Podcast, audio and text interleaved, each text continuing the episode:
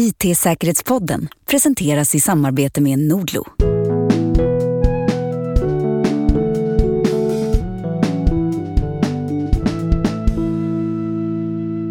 A passwordless society has been on the agenda for quite some time now, but personally, I feel like I've never had so many passwords before. Um, when will the shift take place? Will we see any revolution in this area, or will it be gradually changed to in some way? Yeah, that's a good question, Mattias. So, to our help, we have Dain Nilsson with us.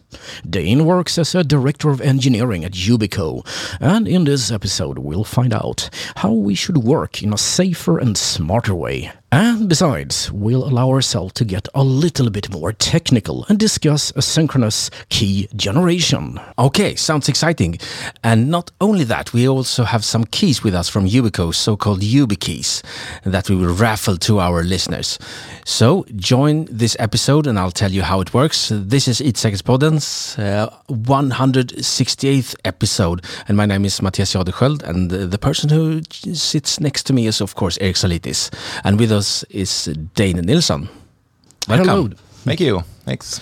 So, um, before we talk about the topic, uh, almost 10 years at Yubico. How did it start? Yeah, yeah, it's going to be 10 years uh, this year. Uh, yeah, it started, uh, yeah, more than 10 years ago, actually. Okay. Um, I heard about Yubico in a uh, podcast. Uh, so 10 years ago? Yeah, 10 years Yeah. ago. Yeah, it was 2008, 2009, something like that. I almost wanted to ask, do we did we even have podcasts? Uh, we then? did. We had Yeah. a few, not Okay. not as many as today, I'm sure. Uh, yeah. So um, this uh, security researcher was uh, talking about YubiKeys, which he had just discovered, uh, and I got really interested, and I thought, wow, that seems really cool. Uh, and then I found out that oh, this was actually a Swedish thing. And uh, as a matter of fact, the the little startup company that was uh, producing these things um, was right down the hall from where I was doing my master's thesis at the time. Uh, so um, yeah, that, that's where it started. Uh, Yubico had a competition that I joined uh, and kind of got uh, got to know the company a bit better. Um, it wasn't uh, quite time for me to. I had just started working at a different company, and I was trying that out. Uh, as I mentioned, I was just getting my degree. Uh, but a few few years later, it was it was time, and I, I talked to Stina, one of the founders of the company, and uh, yeah, I've been been with Yubico now for ten years. Okay. But you have a developer background, right? Uh, yep. So, uh, what kind of experience did you bring with you to to your work today with that kind of background?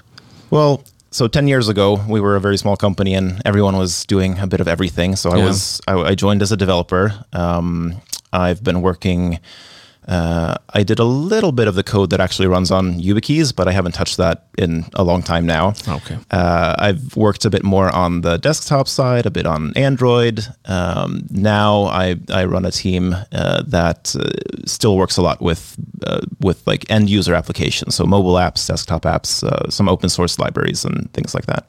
Okay. So, what's what's uh, Yubico? What kind of company is that today? Uh, it's a much bigger company. Yeah. Um, yeah, I would say that uh, we're we're you know in, in in some ways we're kind of like a startup, but in many ways we're we're also past that, uh, growing a lot, doing a lot more things. So of course, originally it was the YubiKey, and the YubiKey is still at the center there, but there's there's a growing sphere of things around that as well. yeah. Some supporting roles, or what are you talking about uh, around? Uh, yeah. So there's one thing to just provide the the hardware itself and nothing else, and that doesn't get you that far. Maybe if you're only using open standards and there's like other use cases already, um, but we've as we've engaged in developing some of these standards further inventing some new standards there's a whole ecosystem of things that need to be built up so there's uh, there's like I said, open source uh, libraries for for integrating support in your servers. There's uh, there's apps for configuring your YubiKeys and using them for various other systems. Uh, YubiKeys today support a bunch of different protocols. Uh, so there's there's all kinds of uh, yeah space for for additional software or services to help out. I actually bought one of these uh, a few months ago, and my experience was that okay, you plug it in, and it uh, creates some kind of fake keyboard there and generates this string, and it felt a little bit limited. But what you're saying basically is it can do a lot more than just that. Yeah, that that OTP string was the only feature available when the YubiKey first launched.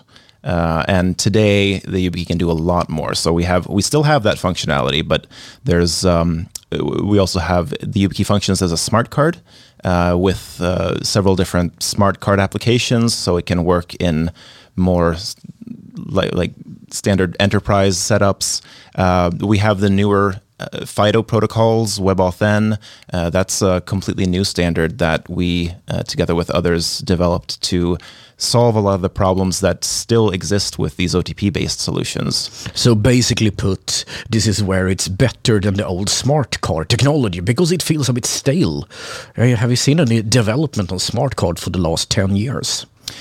Yeah, in, in some ways, I would say that these FIDO protocols are kind of the next uh, the next evolution of that. So uh, the, the YubiKey brings that you don't have to have these clunky smart card readers, but it the new protocols also uh, they're they're baked into the platforms in a different way. So you don't have to have a specific middleware and a specific backend. It's it's open standards. It's built into the browsers.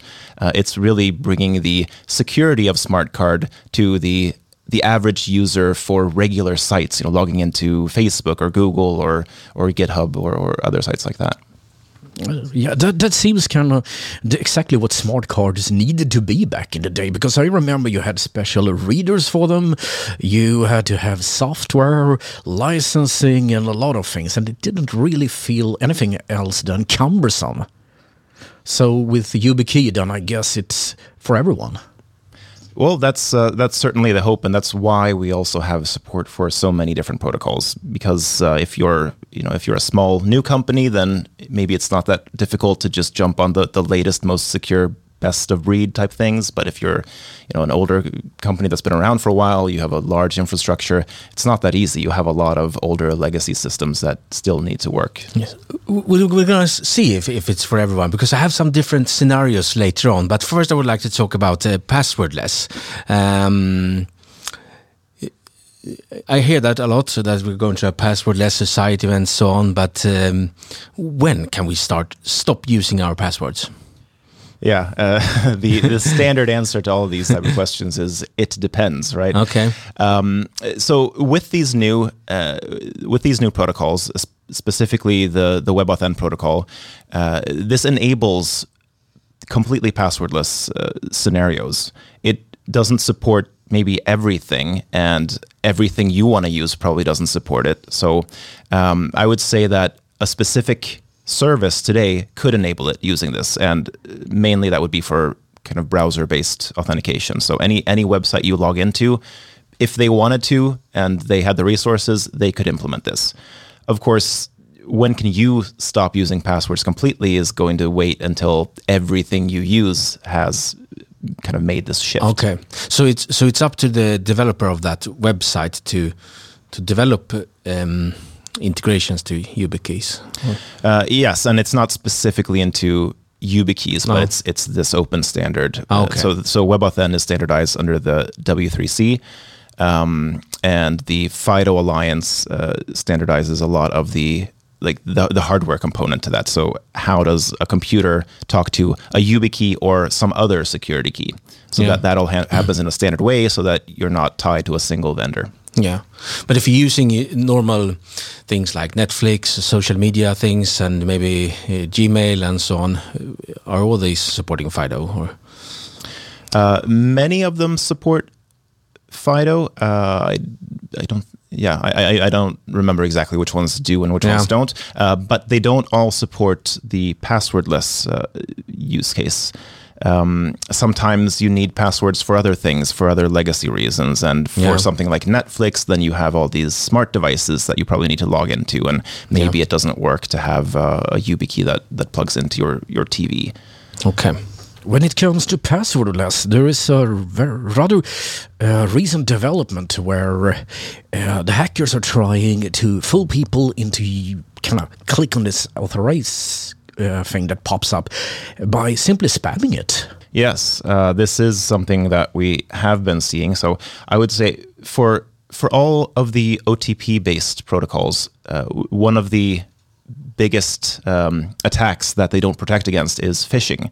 So if if you get tricked to go to a website that you think is Facebook but it's actually not, uh, they'll trick you for your username and password, and then they'll trick you for that one-time code as well. It's not something you're not expecting. Um, the m- more maybe more recent, uh, but slightly different approach to that is uh, you have these push notification apps. They they're a bit easier to use than OTPs, uh, but they they have that same flaw. So if you're tricked, you go to the website, you enter your username and password, and then you get the push notification to your phone, and you accept that because you're trying to log in. And if you're not trying to log in, if you're just spammed with that enough times, you suddenly it happens when you're in a rush and you're not really paying attention and you might have pressed the wrong button by mistake. Or maybe you say, I don't know what's going on here. I'm going to say yes. And then it goes away. And surprise, it does. Yep. But how does a YubiKey so- solve that? Uh, so the way a YubiKey solves this through WebAuthn is there uh, the the model is based on the uh, the browser being a big component in this. The browser or the Yeah. platform, I should say. It, it might be part of the operating system even, where uh, if you go to a website today in a regular browser, you know you have uh, you have a server certificate typically if it's a TLS connection, uh, and the browser uses that to verify that the server is really who I am expecting to talk to. Now, who am I expecting to talk to in a in that situation is defined by what's the domain that's present in the URL bar. So you it's still like prone to user error in that uh, I might mistake a zero for an O or Yeah, something similar, but what is shown in the URL bar matches the server because of the uh, certificate, and that verification happens.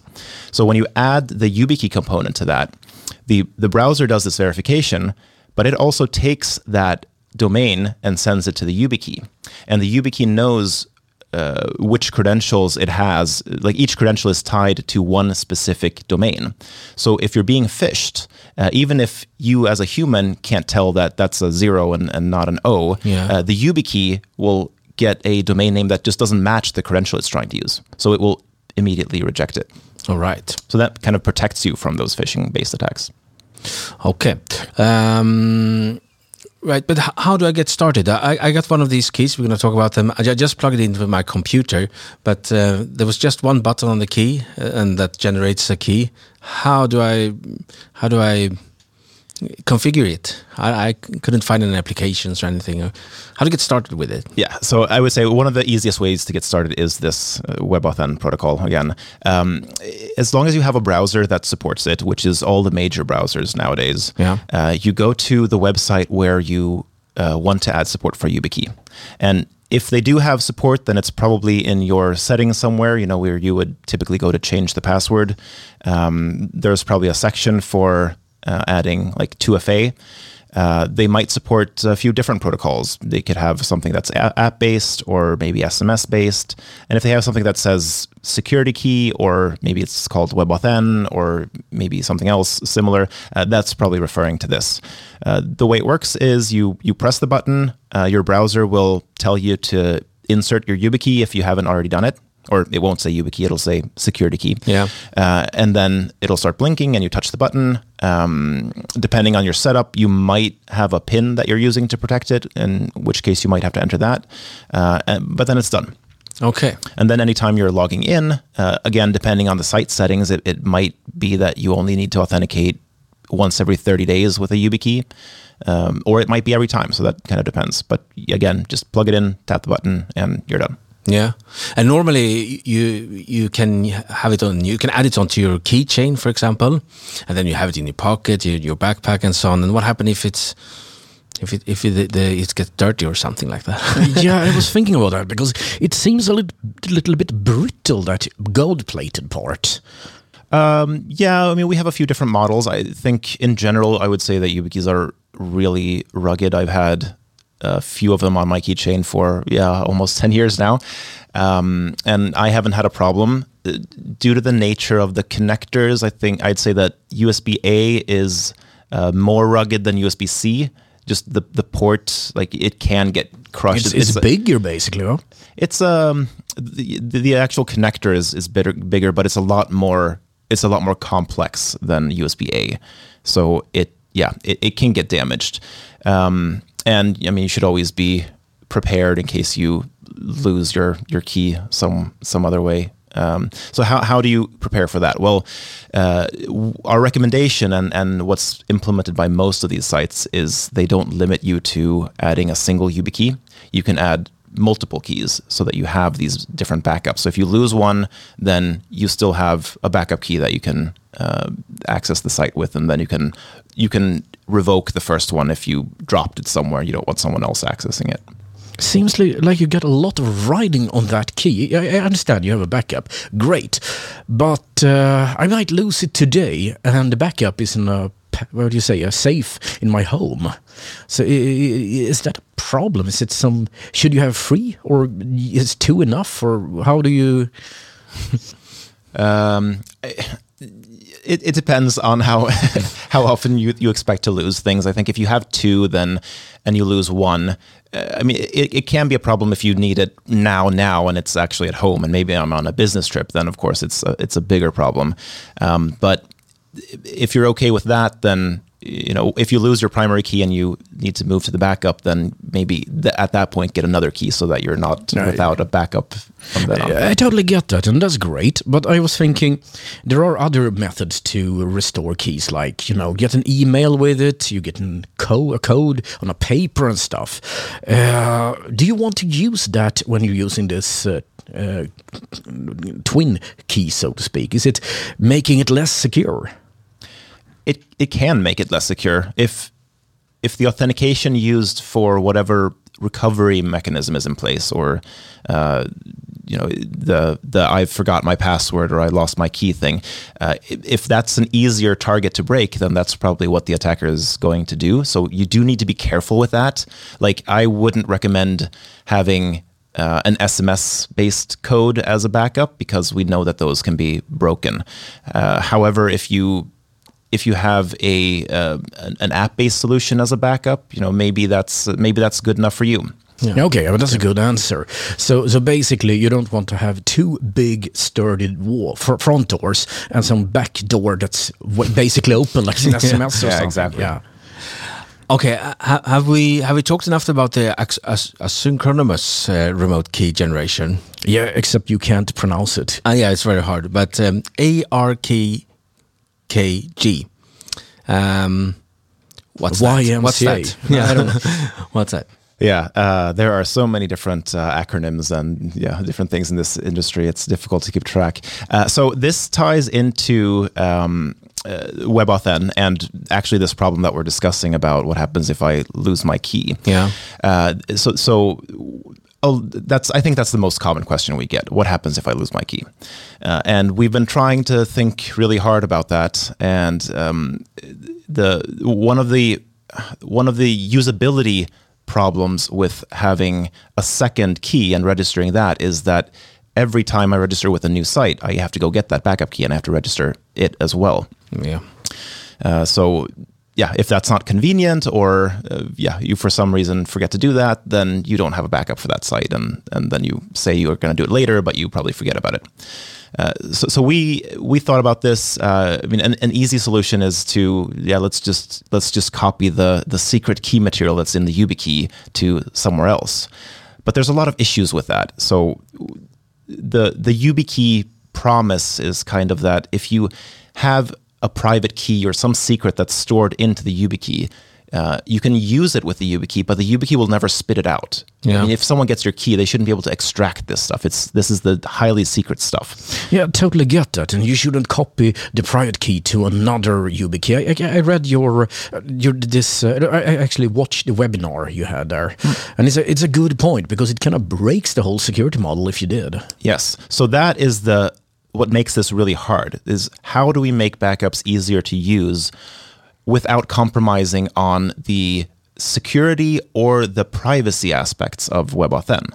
Another big privacy aspect of, of WebAuthn is that if you use the same YubiKey to register to a bunch of different sites, uh, each site gets its own separate credential. And even if all those sites get compromised and some attackers looking at the contents of their their their databases, nothing in WebAuthn will tell them that this is the same physical user.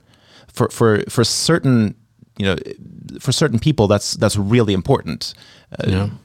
it, knowing that oh you know this this person has an account with with that site uh, might be a big you know big pro- uh, security problem for them. Yeah. So uh, with all these restrictions, the problem for us was how do we uh, how do we solve this? Uh, yeah, uh, really without compromising on those, and that's where this uh, this asynchronous remote key generation uh, comes in. So it's of course the math behind it is complicated. I'm not going to go into those details, but um, and I should also mention that this is just a uh, a proposal that that we've put forward. It hasn't actually been implemented yet or baked into the standard. Um, but if it does, then uh, essentially the, the way it would work is you would get two YubiKeys. Uh, you would use some type of, uh, of, of software to to pair these keys once, and at, at, that point, your you would designate one the backup key, uh, and that would export some type of uh, backup seed that gets imported into your your main key. And at that point, you can put the backup key in a safe, and you don't have to get it out unless you lose your primary key. And then you use your primary key, you're registering it to new sites, you're logging in, uh, and almost seamless to you, or it's visible, but it's not something that you have to jump through hoops to do. Uh, the the main key could then uh, use this algorithm to generate new public keys that get registered with the site as a backup key. Uh, that your backup YubiKey can produce the private key for, but we are still keeping that promise of the private key for that public key only exists on that one YubiKey. So even though your main YubiKey is creating these new public keys and, and adding them as backups, even it can't uh, produce the private key, so it can't sign for that key. that was quite quite a story there. I, I tried to follow you, but uh, sounds magical almost. Yeah, but but actually, I'm thinking about first. If you lose your main key, you bring out the backup key. How do you revoke the main key? You want to say, "No, I'm never ever gonna get that back because I threw it in the furnace." So that is part of this uh, this extension that we're proposing. Is that uh, when you get out the back key, uh, the backup key and you go to your site, there's some type of flow there that is should be similar kind of similar to you know if you lose your password you say you say I lost my key and then it asks you for your backup key and if you then use your backup key there and complete that, it should automatically revoke your main key. Okay, and then the backup is the main. Exactly. So the backup gets promoted to the main key. Um, is one way you could do it. I mean, you could also have a different, a new main key that you're registering in, in that uh, instance. But I think that's the, the easiest way to look at it is your backup becomes your main key. Okay, yeah. And then you repeat this process. You can have you can buy a new key and add that as a backup to the the old the one that was your backup. So when your old when your backup key becomes your main key, you have a new key that's the backup to that. Yeah, little... this is not working. I need visual aids here. Yeah, you shouldn't have skipped math class. Ah, probably not. no, we haven't even gotten into the math. no. Um, okay, we, we we can listen to this in slow motion and maybe understand it, but it sounds uh, almost magical to have have have your backup key stored in the safe and and yet somehow it it keeps updating all your but okay anyway so uh, i'm gonna go through some scenarios um, okay yeah uh, okay um, from a user perspective so um, okay let's say i'm a business uh, traveling man uh, always using my mobile phone uh, as my main work tool. Um, how should I use um, YubiKey in a secure way? Well, um, so I would use one of our YubiKeys that has support for NFC, which is a really nice user experience when you're on a mobile phone. You you can tap it. Uh, the WebAuthn protocols work uh, over NFC, so um, anything that you're using that is uh, that is browser based should kind of work the same way from your phone as it does from your uh, your your desktop. Um, if you have other specific apps that uh, that might not support WebAuthn, you can always use the older one-time password uh, protocols as well. So Yeah. uh, yeah, it's so it's these yeah six-digit, typically thirty-second codes that you have uh, that are used almost everywhere. So those can um, work with the YubiKey as well, where the actual seeds used to generate those are stored on the YubiKey. But but for example, if if uh, I if that person uses Outlook, for example, does that support O- Authn? Uh, I'm not. Let's say Outlook on a phone. Uh, I I don't know what type of. Uh, Okay, authentication but, but let's say supports, it does that. You you open your, your app and then you just uh, tap the the key to your phone, and that's it. uh, yes, if, if you're using uh, yeah, depending on protocol, something Yeah. like that. Okay. Okay. Uh, I'm gonna play who like to work uh, hybrid way, um, and since it's uh, post pandemic, uh, I work a lot from the- company's laptop, of, of course, and um, from home. Uh, how does that work? I, I connect by using VPN from my from my uh, home, for example. So a lot of VPNs have support for some protocol that's that's uh, available on the YubiKey, uh, and that is one of the nice features of the YubiKey is that you can move it between devices as you're using them. Um, I would say, you know, as a convenience thing uh, for your laptop, I'm assuming you're you guard that very well. If it's a company laptop and you're not leaving it around, you could use one of our uh, our, our nano models that are uh, they're they're small enough to where they you can leave it basically plugged in all the time. Um, you shouldn't do that if you're going to leave your computer without uh, keeping an eye on it. But but as as as long as you're careful about that, then it's it's really handy. Uh, you can you know put your laptop in your bag and it doesn't really stick out. And there's yeah, Yeah. It, it's very convenient also. So, for example, if I if the VPN connection is established and then I unplug the key, will it will it disconnect the VPN? I don't. Most VPNs, I don't think they're set up to Yeah. do that. I mean, they technically they could, uh, but usually you would authenticate uh, just just when you're you're connecting, and then it's uh, established for that session. Yeah. Okay, another scenario. I'm a hardworking shift worker who works at, let's say, a nursing home, and I have a shared uh, working computer at, at that uh, place. How does that work? Uh, is there some smart way to do work on a shared computer? Uh, yeah, you can definitely do that, and I think we've seen some similar setups where uh, you have um, you have people working with, with with shared computers, and they might have to wear like gloves, and it's not convenient for them to pull out a keychain and, and plug something in. There might not be a place to plug something in. Um, we've seen solutions where you take uh, our NFC enabled YubiKey and maybe integrate it into a um, like a, a, an, a, a bracelet of some sort. So it's actually it's it's covered in plastic uh, and it sits on your wrist, and you just kind of tap your your arm against this little NFC reader, and that will know who you are, and it can log you in, and you don't have to actually take your gloves off or, or do anything. Sounds cool. Uh, great idea, actually. Yeah. Yeah. I was thinking about you. You did that with Bluetooth back in the day. So you had some kind of Bluetooth device, and when you came into proximity of the computer, it would log you in. But this is better because Bluetooth has a much larger range. You might actually inadvertently activate and log in on someone else's computer if you're kind of sharing it. So this is more like you know what you're doing when you kind of Yeah, it's a much much more uh, deliberate act. Right, last scenario. Ready?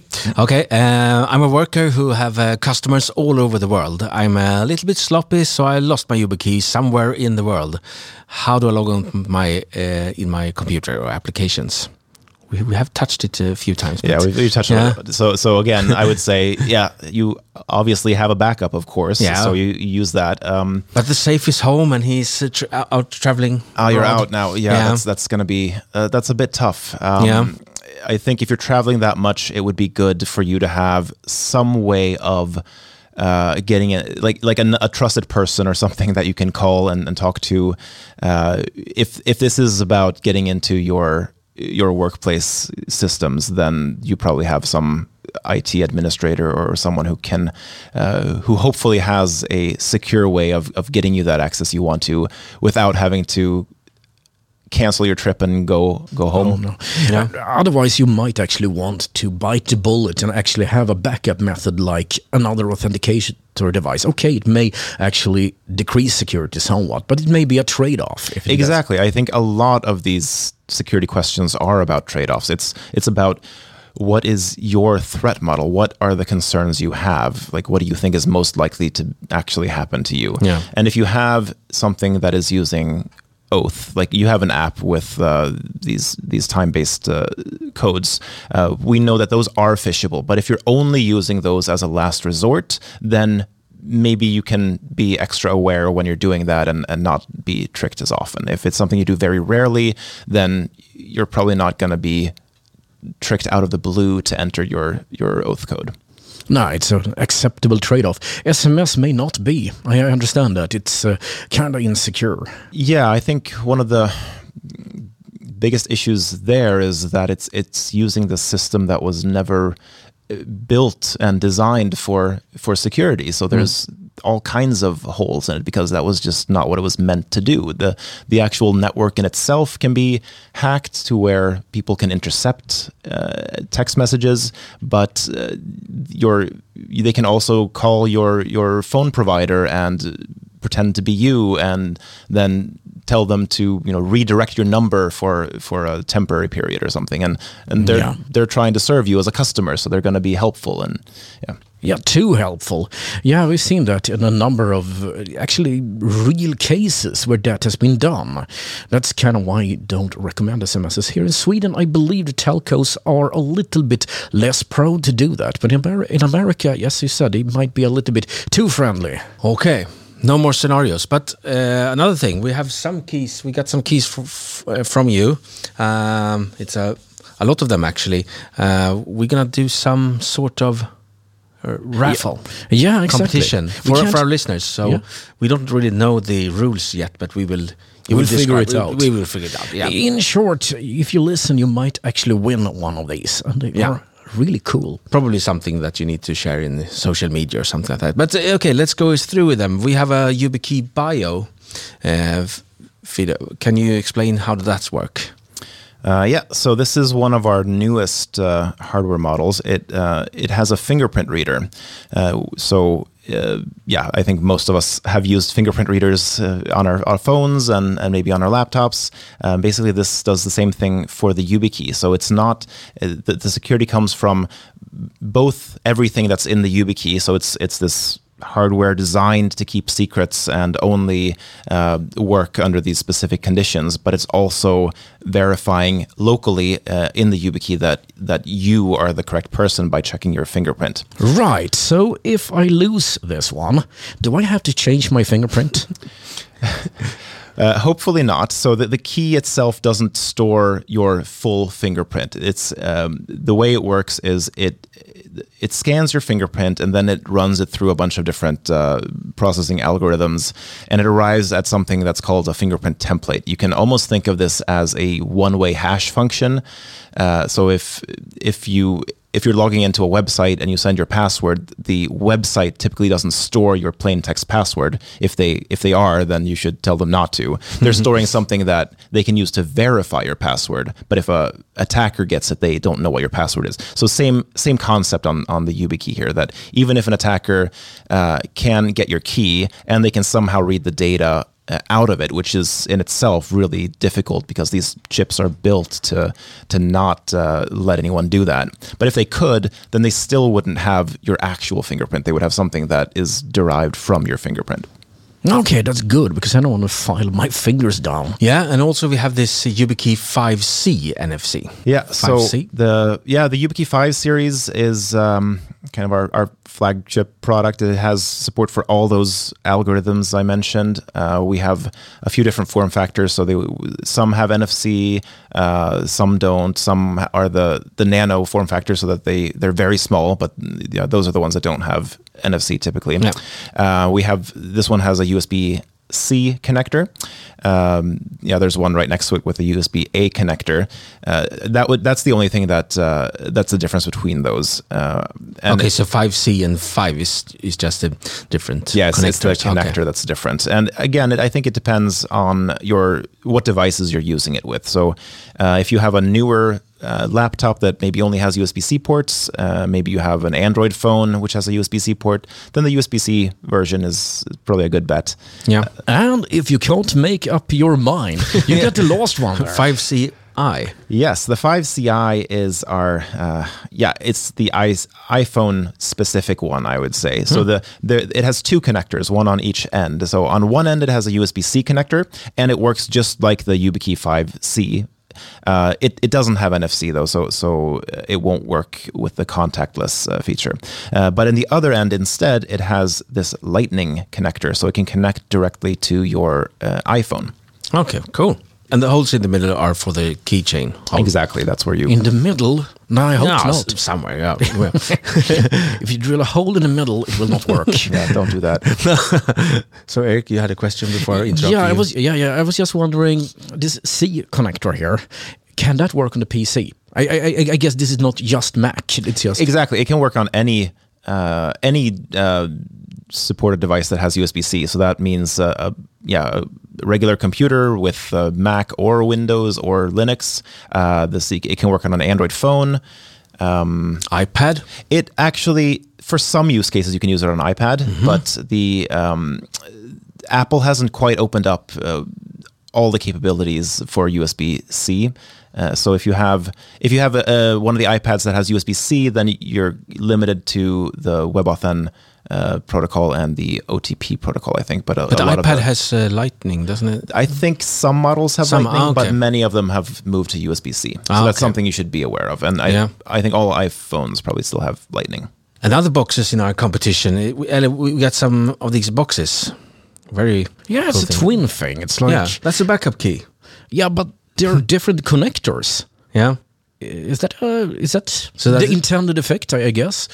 Yeah, I think these are some of our like s- sample packs, so you can try them out, and that way, if you if you get one of those, then it should probably work with uh, yeah most, if not all, of your devices. Yeah. Yeah, because that could be a solution if you want this thing you spoke about when you, you have one and then the backup. So yeah, Yeah, case of two. Personally, that's I, I use a, a set of different YubiKeys even for my day to day usage. So I have a small uh, YubiKey Nano that's always plugged into my my work laptop, and I'm using that uh, as I'm authenticating every day, as I'm uh, developing code, signing Git commits, and uh, authenticating for SSH uh, servers.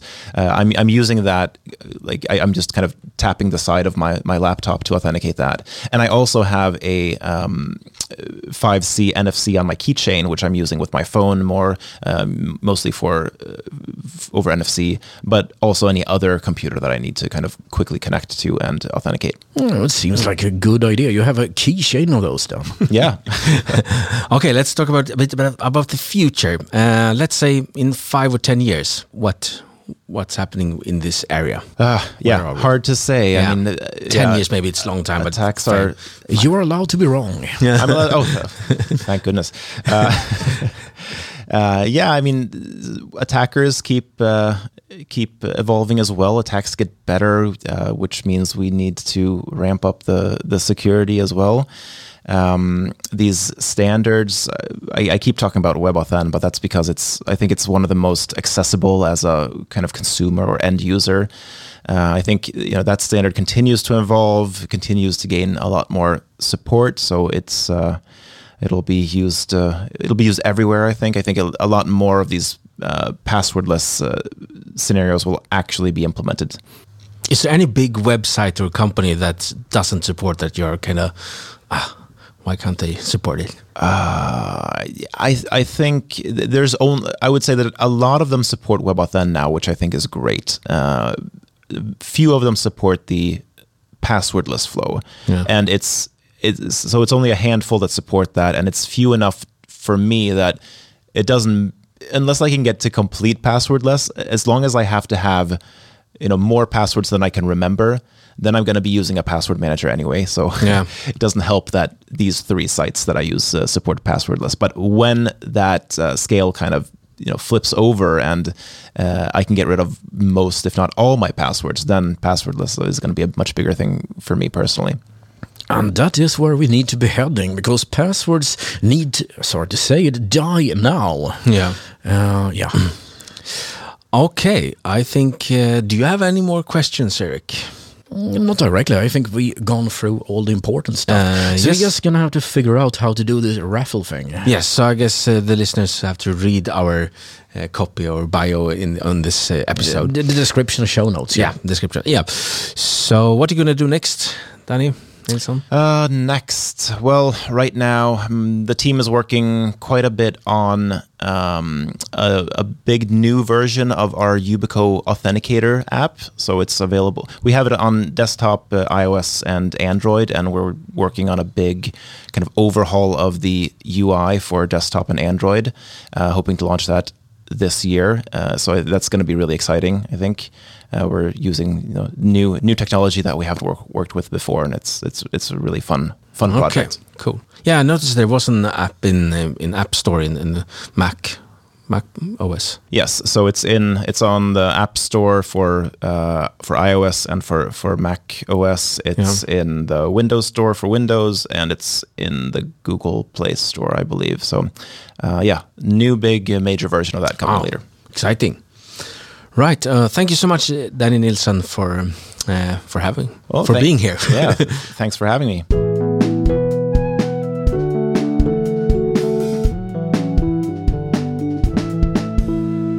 IT-säkerhetspodden sponsras av Nordlo, din nordiska IT och digitaliseringspartner. Med strategisk rådgivning, ett nära samarbete och med ansvarsfull och innovativ teknik hjälper vi våra kunder att driva digitaliseringen framåt. Läs mer på nordlo.com.